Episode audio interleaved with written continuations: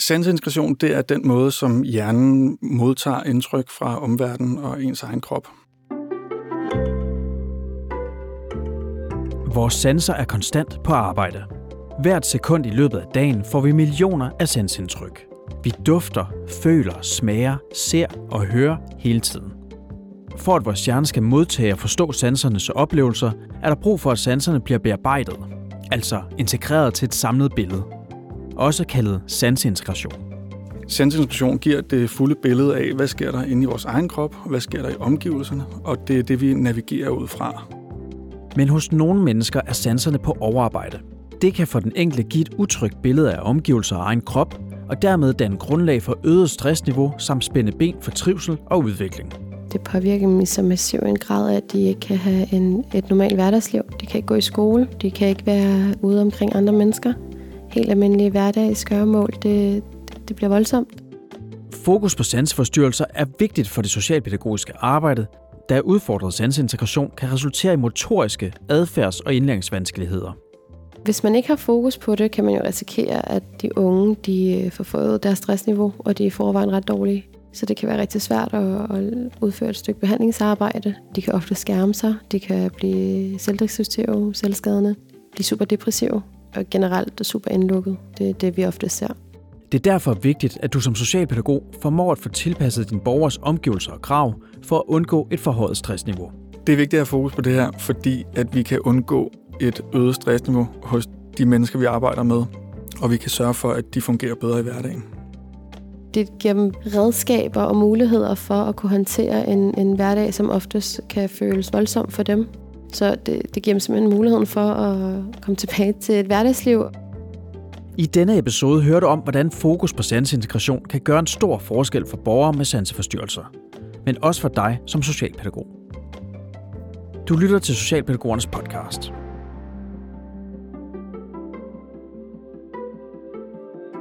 Mit navn er Sassi Jamnani. Øhm, jeg er social specialpædagog. Jeg er ansat i Nødborgård Bagsvær, som er en del af den sociale virksomhed i Region Hovedstaden, som er et øh, behandlingshjem for unge med alvorlige sociale og komplekse øh, psykiske problemer.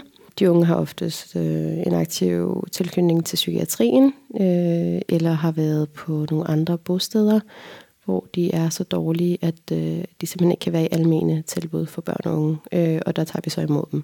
Satit Jamnani og hendes kolleger på Nødborgård arbejder med unge med svære mentale problemstillinger og sociale udfordringer. Oftest kommer de på Nødborgård, fordi de ikke trives på de bosteder eller institutioner, hvor de ellers har været. Som udgangspunkt så øh, er vores unge, øh, deres udfordringer, det kan være selvskadende adfærd, det kan være selvmordstruet, ellers er der noget udagerende adfærd. Øh, det kan være sådan svært spiseforstyrret. Vi får en del øh, unge piger med spiseforstyrrelser, øh, som oftest er en sidediagnose. Så det, det, det er meget blandet, og det er også derfor, vi arbejder multiteoretisk og kører meget en til en i vores behandling. De unge på Nødborgård har ofte et forhøjet stressniveau grundet deres baggrund og diagnoser.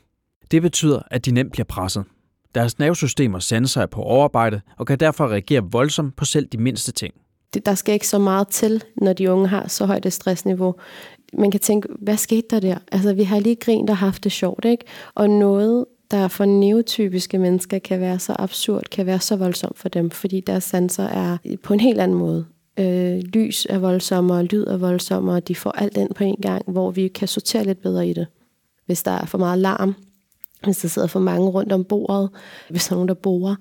Det kan give nogle flashbacks, det kan, det kan udfordre dem. Øh, bare kropskontakt, øjenkontakt, samvær med andre mennesker kan virke voldsomt. Vidderligt alt, hvad der, sådan, der har sådan direkte effekt på dem. Man kan sidde og tegne til at få det så skidt, at man bliver nødt til at trække sig, fordi at sådan nogle små ændringer i toneleje, lys, lyd kan påvirke dem. Ikke? Der skal ikke så meget til. Man kan sige, at en sanseforstyrrelse gør, at, at vi vi har svært ved at opleve verden troværdigt. Oliver Lowe er selvstændig fysioterapeut og underviser blandt andet socialpædagoger i sansintegration og sanseforstyrrelser. Ved sanseforstyrrelser vil sanserne registrere input i enten højere eller mindre grad i forhold til normalområdet. Med en høj tærskel registreres færre stimuli end hos de fleste, og der skal flere stimuli til, før at sansindtrykkene registreres, og samtidig kan reaktionen på disse indtryk være forsinket. Ved en lav tærskel registreres flere stimuli end hos normalen, og der skal derfor færre stimuli til, før at sansindtrykkene registreres, og reaktionen vil også komme hurtigere. Det kan komme til udtryk ved, at man øh, har svært ved at tage offentlig transport, fordi at øh, duftindtryk simpelthen er så voldsom, og, og, og at man bliver overstimuleret af det. Øh, det kan også være den modsatte vej, at man simpelthen ikke registrerer, hvad er det for nogle dufte, der er omkring en. Man registrerer ikke, at brødet er ved at brænde på på resteren. Øh, alle sådan nogle ting. Øh, og, og, og det kan være så hæmmende, så man måske undgår øh, helt at fravælge at tage offentlig transport. Øh, det kan være, at man begynder at blive hjemme fra skole eller fra uddannelsen, fordi der er for meget støj, fordi der er for mange lugte, fordi der er for mange mennesker, og man ikke kan lide øh, føle indtrykkene eller øh, de taktile øh, stimuli. Så på den måde, så kan det være noget, der invaliderer i større eller mindre grad, alt efter hvor slemt det er. Personer med sanseforstyrrelser vil altså oftest opleve et øget stressniveau grundet hverdagens mange stimuli. Her er det vigtigt at udvikle strategier, så de mange stressfaktorer overkommes bedst muligt. Det kan fx ske ved at tilpasse omgivelser, rutiner og kravsætning individuelt, for at skabe et optimalt miljø for borgeren. Hvis man slet ikke skænker den tanke i forhold til, hvordan, øh, hvordan agerer jeg i rummet, hvor, hvor højt rysten er jeg, hvor store armbevægelser har jeg, øh, tager jeg en kraftig parfume på, øh, alle de her ting, så kan, det, så, så kan vi i vores pædagogiske arbejde komme til at overstimulere helt uden at vide, at vi gør det. Og det vil gøre, at dem, vi arbejder med, deres stressniveau vil øges. Og i min optik fuldstændig uden grund, hvis det er noget, som vi er med til at påvirke miljøet til. Så man kan sige, øh, konsekvensen af ikke at indtænke det her, det er et øget stressniveau hos dem, vi arbejder med. Og konsekvensen af det, det er, at vi, øh, i for, hvis det sker over for lang tid, og, og hvis der er alle mulige andre stressorer også, øh, så øh, så kommer vi simpelthen ind og skader hjernen øh, på grund af, af, af kortisol og stresshormoner.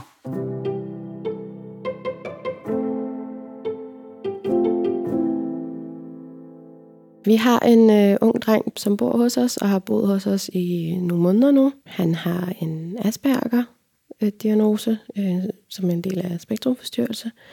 Øh, det er egentlig en meget aktiv dreng, og egentlig helt vildt meget humor, og altså, når, når dagen er god, så er den også bare super god, ikke? Øh, og der kan jokes og så videre, men så er der også bare utrolig mange problematikker, der også følger med, desværre. Øh, og da han flyttede ind, der havde han meget farligt øh, selvskade. Og der har ikke skulle så meget til, før at man nåede dertil. Øh, det har været en ung i øh, utrolig høj øh, stressniveau og med utrolig meget angst. Og dengang øh, var han meget rømningstroet. Øh, der var altid to, der var sammen med ham, øh, fordi at øh, han hele tiden havde lyst til at stikke af fra matriklen. Da drengen flyttede ind på Nødbogård, havde han et højt stressniveau og hans udfordringer med sanseforstyrrelser kom til udtryk på flere måder. Han havde meget faste rammer og strukturer, kørt meget i piktogrammer, og alt var på nøje tidspunkter. Er der noget, der, der bliver ødelagt i det ritual, så kan det hele falde sammen. Og det kan være små ting, som at der er en, der kommer til at tænde et lys, eller pædagogen kommer til at åbne døren, øh, eller faktisk blande sig i noget, der er den unges ritual. Og der kan reaktionen være alt fra at trække sig fuldstændig ind i sig selv til at øh, udføre voldsom selvskade. Og det kan vidderligt være, at der er et vindue, der er åbent. I starten, der var han ikke så meget ude, fordi han var meget rømningstroet. Men så begyndte vi at komme lidt mere ud med ham. Øh, han er jo super aktiv, virkelig dygtig til al sport, han sætter sig til. Så vi har været ude øh, sådan en halv time, 15 minutter øh, i starten. Øh, og bare det her skift øh, og skifte omgivelser og gå fra at være ude i haven, som vi der er 50 meter fra værelset, til at komme ind igen, kan være så voldsomt. Øh, og selv før det, for at være forebyggende, øh, så har han kasket på, og solbriller på, ligesom for at skærme sig. Og allerede der er det ligesom en forebyggelse i at øh, afværge de her øh, sanseforstyrrelser, der kan komme. Øh, men så har skiftet oftest også været alt for svært, når man er kommet tilbage til værelset, og så er der opstået en destruktiv adfærd i form af selvskade igen. Øh, noget så simpelt som det. Sanseforstyrrelser er noget, vi alle kan have i højere eller mindre grad. Men alligevel er der nogle grupper, der ofte er eksponeret for netop stress i forbindelse med sansninger. Personer med autisme har ofte lave tærskler. Det vil sige, at de dermed hurtigere bliver overstimuleret. Mens personer med ADHD omvendt ofte har høje tærskler og dermed har en risiko for understimulering. ADHD, der ser man meget lav arousal ofte, øhm, og, og ud fra det, så kan man sige, det som der er brug for, der i og med sensoren er hjernens brændstof, så det, der er brug for ved den lav arousal, det er, at vi kommer ind og påvirker med nogle flere sansindtryk på de rigtige sensorer, på de sensorer, der har en høj tærskel. Det det er ikke så tit, man ser det over i den anden øh, målgruppe hos øh, dem med autismespektrumforstyrrelser. Der er det oftere en overstimulering, der, der vil ske, altså at de har lave tærskler og har brug for at blive skærmet noget mere, har brug for færre indtryk. Det er meget, meget individuelt fra person til person, hvad for nogle sensorer, der påvirker påvirket hvordan. Så man kan sagtens have øh, man kan sagtens se en med, med ADHD, som for eksempel har høje tærskler på øh, syn og hørelse, men rigtig lav tærskel på smagsansen. Så vi må ikke bare sige, at det er en med ADHD, så skruer vi op for det hele, så tager vi i sensitively. Fordi så er der ret stor risiko for, at vi overstimulerer på et eller andet. Og hvis vi gør det, så er det det der med, at verden den bliver utroværdig. Øhm, det er svært at have tillid til, hvad det så er, vi oplever, fordi der er simpelthen det her samlede billede, der er noget, der kommer til at stikke helt af og fylde alt for meget. Øhm, og på den måde, så kommer, der, kommer det ud af balance. Hvis man arbejder med mennesker, som har en tendens til at blive overstimuleret, f.eks. personer med autisme, så er det vigtigt at forberede sig på alle de farer, der kan lure i hverdagen. Hvis man har en, som, som generelt har en tendens til at blive overstimuleret på grund af lave tærskler, så skal man prøve at finde ud af, igen, hvad er det for nogle øh, sensorer, der er påvirket, hvordan. Øhm, og så skal man prøve at sørge for, at man i, i miljøet forsøger i så høj grad som muligt ikke at påvirke de sensorer. Man skal prøve at opbygge nogle strategier, som er hensigtsmæssige i forhold til, at man kan få lov til at skærme sig lidt, at man kan få lov til, øh, at, at der ikke kommer en hen og lige klapper en på skulderen, eller øh, ærer en oven i hovedet, eller øh, lige giver et uventet morgenkram, eller altså, hvad det nu kunne være. Men de der små ting, som vi som mennesker ofte gør i, i øh, sådan en social kontekst, der skal vi virkelig tænke os om, at vi ikke kommer til at overskride de her grænser, eller de her øh, værdier i forhold til, hvor, hvor, hvor lidt der måske i virkeligheden skal til for at blive overstimuleret. Vi skal lade være med bare at skrue radioen op på det, vi gerne vil selv. Vi skal sørge for, at vi har styr på, er der nogen her, der har en lav tærskel på høresansen, og så skal vi tjekke af, er det okay det her? Altså, og, og, og hele tiden. Og det kan man sige, det er generelt, og det, det arbejder man jo også med i det pædagogiske felt altid. Alle, der arbejder med mennesker, de aflæser jo hele tiden. Så hele tiden tjekke ind og afstemme i forhold til, hvordan påvirker det her. Når Sati Yamani oplever, at drengen på Nødbygård bliver overstimuleret og dermed presset på sanserne, f.eks. ved høje lyde eller skarp sollys, så er det vigtigt at få sænket stressniveauet som det første. Altså det vigtigste er nok at, at få groundet ham først. Altså lige få ham ned på jorden. Øh, og lige få ham til at være til stede i rummet, fordi oftest, når det er, at øh, der kommer den her reaktion, så, øh, så bliver han også meget indlukket, og han er ikke rigtig til stede i rummet, og sådan flager lidt rundt i blikket, og man kan bare se, at der kører tusind tanker, og alt der bliver for meget, og øjnene flakker. Og det, jeg plejer at gøre, det er for det første lige at spørge ind til, om der er noget uro. Og så spørger jeg oftest, om uroen er i kroppen, eller om det er tankerne. Der, hvor jeg tit møder unge eller børn, det er jo, når de er rigtig, rigtig stressede. Øhm, og, og det, man kan sætte i værk der, det er, det vigtigste er lige nu og her, det er, at vi får sænket stressniveau. Så der skal vi få lavet nogle gode kompenserende strategier, der gør, at de ikke bliver overstimuleret. Eller bliver overstimuleret så lidt som muligt, i hvert fald. Vi skal komme ind og få lavet nogle, øh, nogle strategier, der gør, at de kan få ro på deres nervesystem. Så det kunne være det her med at, at, at klemme kroppen igennem, eller massage, eller trampolin, er også rigtig godt for rigtig mange. Øh, fysisk aktivitet, ikke sådan høj intensitet som nødvendigvis. Øh, det afhænger af stressniveau osv. Øh, men lave nogle ting, der gør, at kroppen ligesom får ro på og bliver afgrænset. Så det jeg øh, først og fremmest gjorde, det var at øh, Øh, skabe en anden øh, stimuli af muskelledsansen. Øh, lige gå hen og trykke på hænderne lige. Nu sidder vi lige ned, og nu mærker vi lige hinanden. Du er altså her i rummet med mig i takt med, at relationen blev bedre og stærkere, så har jeg kunne øh, køre de der massagebolde under fødderne. Øh, det er også en måde at ground på. Øh, øh, og det har hjulpet rigtig, rigtig meget. Det har hjulpet på skiftene.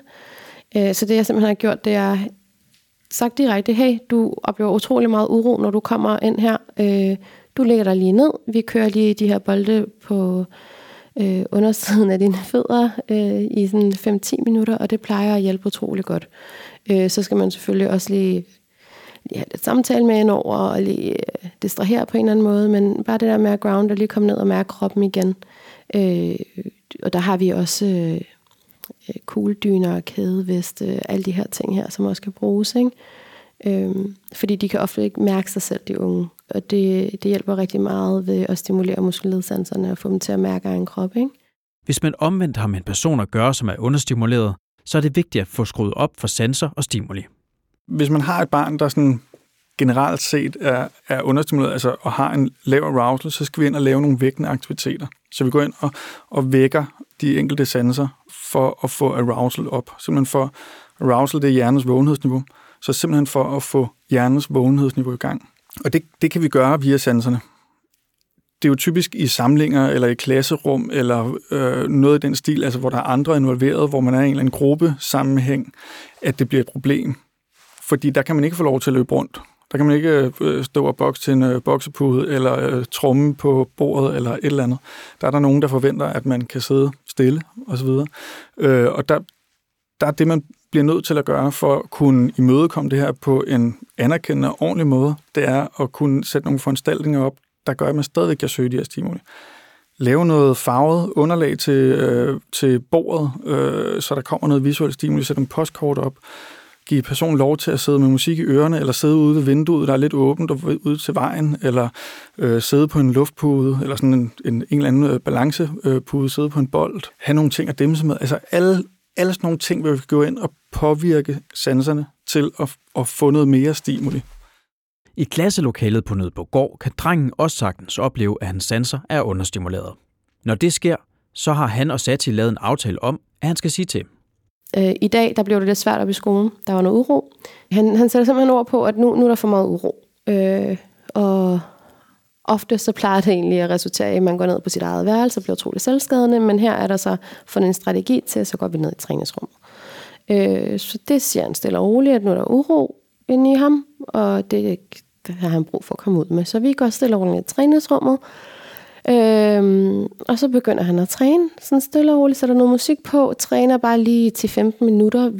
Og der, der taler jeg også med ham om, øh, at øh, gør det her noget godt for dig? Kan du mærke, at, at du får lidt mere ro i kroppen, og prøver også at gøre ham bevidst omkring, hvad, hvad det her egentlig gør ved kroppen. Og så når han er færdig, så går vi bare op, og så fortsætter skolen.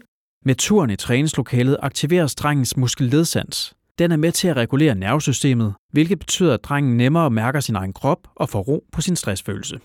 Meget af det, som giver rigtig godt, det er jo også fysisk aktivitet, altså bevægelse øh, vi kan gå ind og klappe kroppen igennem, eller vi kan gå ind og, og lave sådan nogle strygninger, hurtige strygninger, eller altså prøve at aktivere det her system. Der skal man prøve at kigge på øh, de enkelte sensorer, for at være sikker på, at vi ikke, hvis nu det er en, der har en meget lav taktil tærskel, så skal vi jo ikke gå ind og, og påvirke en hel masse taktilt.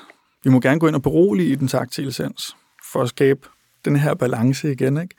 Men så kan det være, at vi skal have noget mere auditivt på, at vi skal ud og bevæge os noget mere, hoppe i trampolinen, klatre, få noget tyggegummi med en masse smag. Øh, altså alle sådan nogle lavpraktiske muligheder er der for at kunne gå ind og stimulere.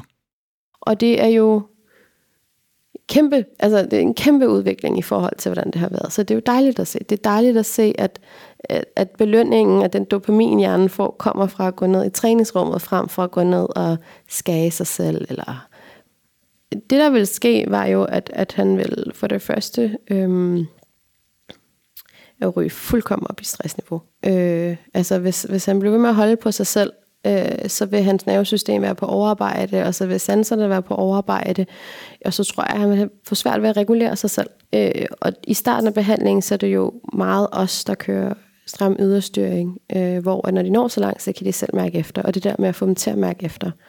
Øh, og det har han ikke altid kunnet. Øh, så ja, altså bevægelse og træning giver rigtig, rigtig meget, og det ender jo oftest med at erstatte selvskade. Og det er jo det, vi gerne vil have. Altså, øh, vi vil jo hele tiden gerne finde løsninger, der kan erstatte den selvskadende eller uhensigtsmæssige adfærd, de har.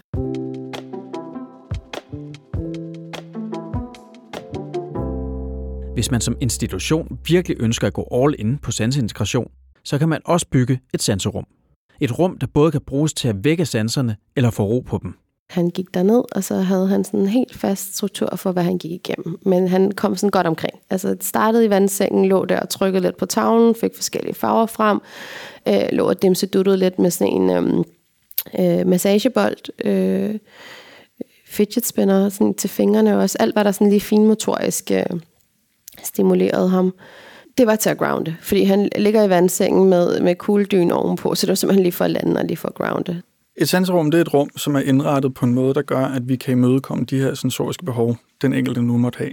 Og man kan sige, at det, som vi primært kan komme ind og stimulere øh, sådan automatiseret, eller hvad man skal sige, et sanserum, det er lyd og det er lys. Og så skal vi gå ind og, og påvirke i forhold til øh, det taktile og øh, det proprioceptive, altså vores muskelledesans og øh, vores balancesans osv.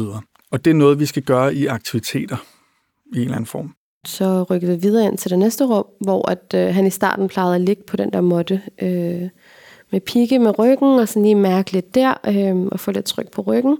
Så øh, satte han sig i den der hængekøjestol, øh, hvor han gyngede sådan lidt frem og tilbage og kiggede på øh, det display, og der var fuld skrud for alle farver der. Øh, og det, der er interessant med de unge, det er, at nogle gange kan de være... Øh, de, har brug for rigtig meget sansestimuli, og nogle gange har det brug for at blive skærmet fra stimulien. Og det vi har gjort med ham, og det han selv har valgt, det er, når der har været i sanserummet, har der været fuld smæk på farverne. Og det jeg tænker, det har gjort for ham, det er, fordi det har været kontrolleret omgivelser. Og der er ikke noget sådan uh, uforudsigeligt ved det. Så har det været en måde at kunne rykke det på, en måde at kunne udfordre det på. øh, og så har det lige pludselig blevet sjovt, fordi jeg har kontrol over de her farver. Med et sanserum er det vigtigt, at man ikke bare går ind og tænder for tivolivet, og synes, det er sjovt, at der er alle mulige farver. Det er vigtigt, at, at man, man som, som personale eller professionel er med til at hjælpe til, at det bliver øh, brugt på en måde, der ikke går ind og overstimulerer eller understimulerer, men bliver brugt på en måde, så det, så det er hensigtsmæssigt i forhold til de sensoriske behov, den enkelte har. Fordi ellers så kommer vi lynhurtigt til, det, det, kan, det er sjovt at spille Pac-Man på en kæmpe stor væg, fyldt med lys, men lige pludselig så bliver der også bare alt, alt for meget, hvis man har en lav tærskel på syn. Ikke? Så de her ting skal man være ops på, at man ikke bare går ind og tænder for den sjove knap. Et typisk besøg i sanserummet for Satya drengen vil vare et sted mellem 45 minutter og en time. Og når den tid er gået, så er det meget nemt for Satya at se en forandring. Så kan man se, at humøret vender, og han begynder at smile og komme tilbage til sig selv, og nærværende i dialogen igen, og man kan være i kontakt med ham, øh, så man kan klart se en ændring oftest var det noget i dur af, nu kan jeg se, at du har det rigtig svært, nu tager du min hånd, og så går vi derned. Når han slet ikke kunne kommunikere, eller være til stede i en dialog, eller være nærværende, fordi at han var så øh, overstimuleret, eller øh, så langt væk i sine egne tanker, øh, at, at han simpelthen ikke kunne træffe en beslutning selv. Og man kan så sige, at det her, det var så den, det drastiske behov, der var der, og nu kan man jo sige, at vi har taget små elementer, af sanserummet med op på værelset, og så er det sådan noget, okay, vi kører en øh, massagebold på ryggen eller på fødderne, eller nu, nu sidder vi lige og trækker vejret stille og roligt, og lige får ro på nerverne, ikke? Øhm, så så det, det, det er altid små elementer, man altid kan bruge. Også for eksempel, hvis vi er ude og sidde et sted i haven på trampolinen, jamen, så tager vi lige et tæppe med, fordi det, det kan godt lige være sådan lidt at, at sidde på det her underlag, og øh, noget friktionsændring for eksempel. Øh, hele tiden prøve at finde nogle alternativer til øh, det uhensigtsmæssige adfærd. Ikke?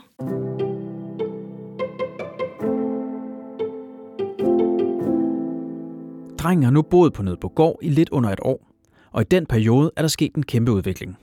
Uh, nu bliver jeg helt rørt, fordi det, det er jo den vildeste udvikling, og det er jo det, der gør øh, det hele værd. Øh, altså, man, man kan jo nogle gange i situationerne føle, ej, hvor er det absurd, og man kan føle sig magtesløs. Øh, men, men vi, vi, vi laver det hårde arbejde af en grund, og, og det er jo for at, at se en bedring.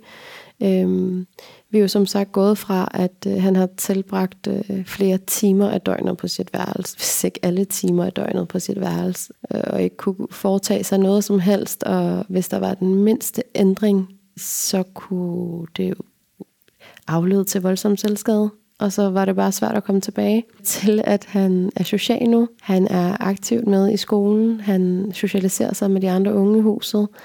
Han spiser alt mad. Han er udenfor. Øh, der er kæmpe udvikling. Før i tiden kunne rengøringsdame engang støvsuge på gangen, uden det blev svært. Nu kan han sidde i stuen med de andre unge, hvor tv'et kører, og folk snakker på kryds og tværs, uden hjælpemidler og værn som solbriller og kasket. Så det er en kæmpe udvikling. Ifølge både Satit Jamnani og Oliver Lowe er der mærkbare resultater at hente ved at have fokus på sansintegration i det socialpædagogiske arbejde. Sanseintegration gør, at jeg kan lykkes med mange flere ting, jeg egentlig gerne vil lykkes med. Bare det her med at få nogen i skole. Hvis vi skal tilpasse lyset i lokalet, øh, hvis vi sørger for os med nogle solbriller en kasket på, der gør, at øh, den unge kan komme op og få noget undervisning, så er det det, vi gør. Fordi uden det her vil det ikke kunne være muligt. Så vil man ikke kunne få ham derop. Hvis man er opmærksom på den unge og den unges adfærd, så ved man også godt, hvor er det hen, vi skal regulere, hvad er det, vi skal stimulere, hvad er det, der skal skrues ned for. Forudsætningerne er, at jo bedre man får tilpasset sansintegrationen til den unge eller borgeren, jo mere effekt kan man have af det, og jo mere kan man rykke på dem. Det, man får øje på, det er, at vi reagerer forskelligt. Og for nogen, så er det ikke bare, at om det smager ikke så godt, det er decideret ubehageligt, eller det, er, det gør ondt i ørerne, når at der øh, går en hund ud forbi og gør, eller hvad det nu kan være.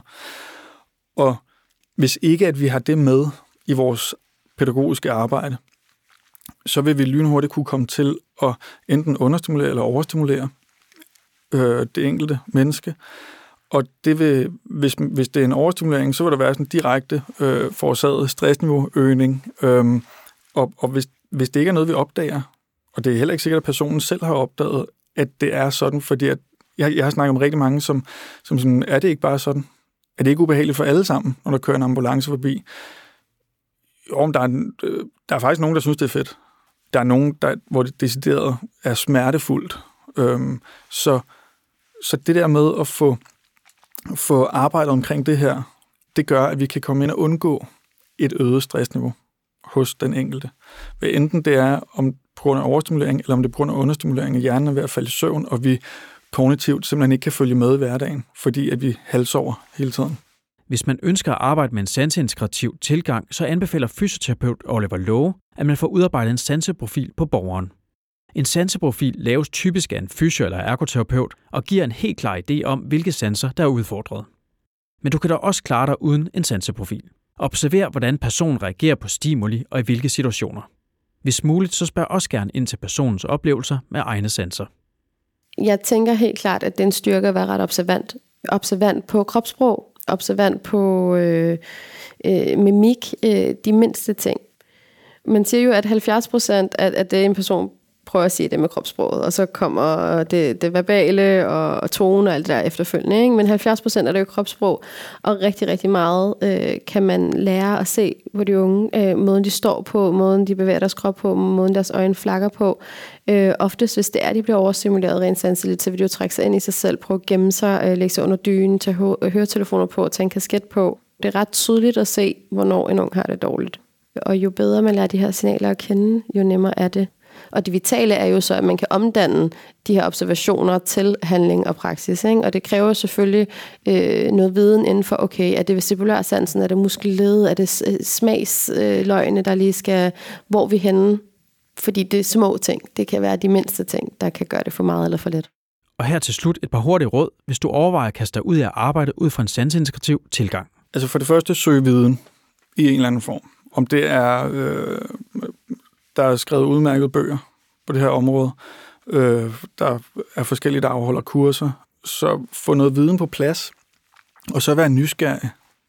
Det her med at være nysgerrig, uden at have en forudindtaget mening om, hvad der er det rigtige eller det forkerte, men være, være oprigtig nysgerrig på, hvad er det, personen oplever, og så prøve at finde ud af, hvad kan vi gøre ved det? Vær nysgerrig på de unge. Spørg ind jeg tror, at øh, man i faget godt kan være lidt for berøringsangst i forhold til at inddrage den unge eller borgeren. Jeg tror på, at inddragelse er noget af det vigtigste. I talsæt simpelthen, hey, jeg, jeg kan se, at du reagerer på den her måde på det her. Er det fordi, at øh, du bliver utryg? Er det fordi, at øh, lyset er for skarpt? Altså simpelthen være nysgerrig på, hvad er det, der foregår inde i den unge eller borgeren. Og hvis det er, at den unge eller borgeren ikke kan sætte ord på det, øh, så prøv at spejle dem, observere, øh, men helt klart være nysgerrig på dem. Vil du vide endnu mere om sansintegration, så hop ind på Socialpædagogernes hjemmeside sl.dk. Hvis du vil tage en faglig snak med dine kolleger om brugen af sansintegration, så download episodens refleksionsark. Find et link hertil i episodebeskrivelsen og på sl.dk. Episoden er produceret af podcastbyrået Kontekst og Lyd. Jeg hedder Mads Christian Hede. Tak fordi du lytter med.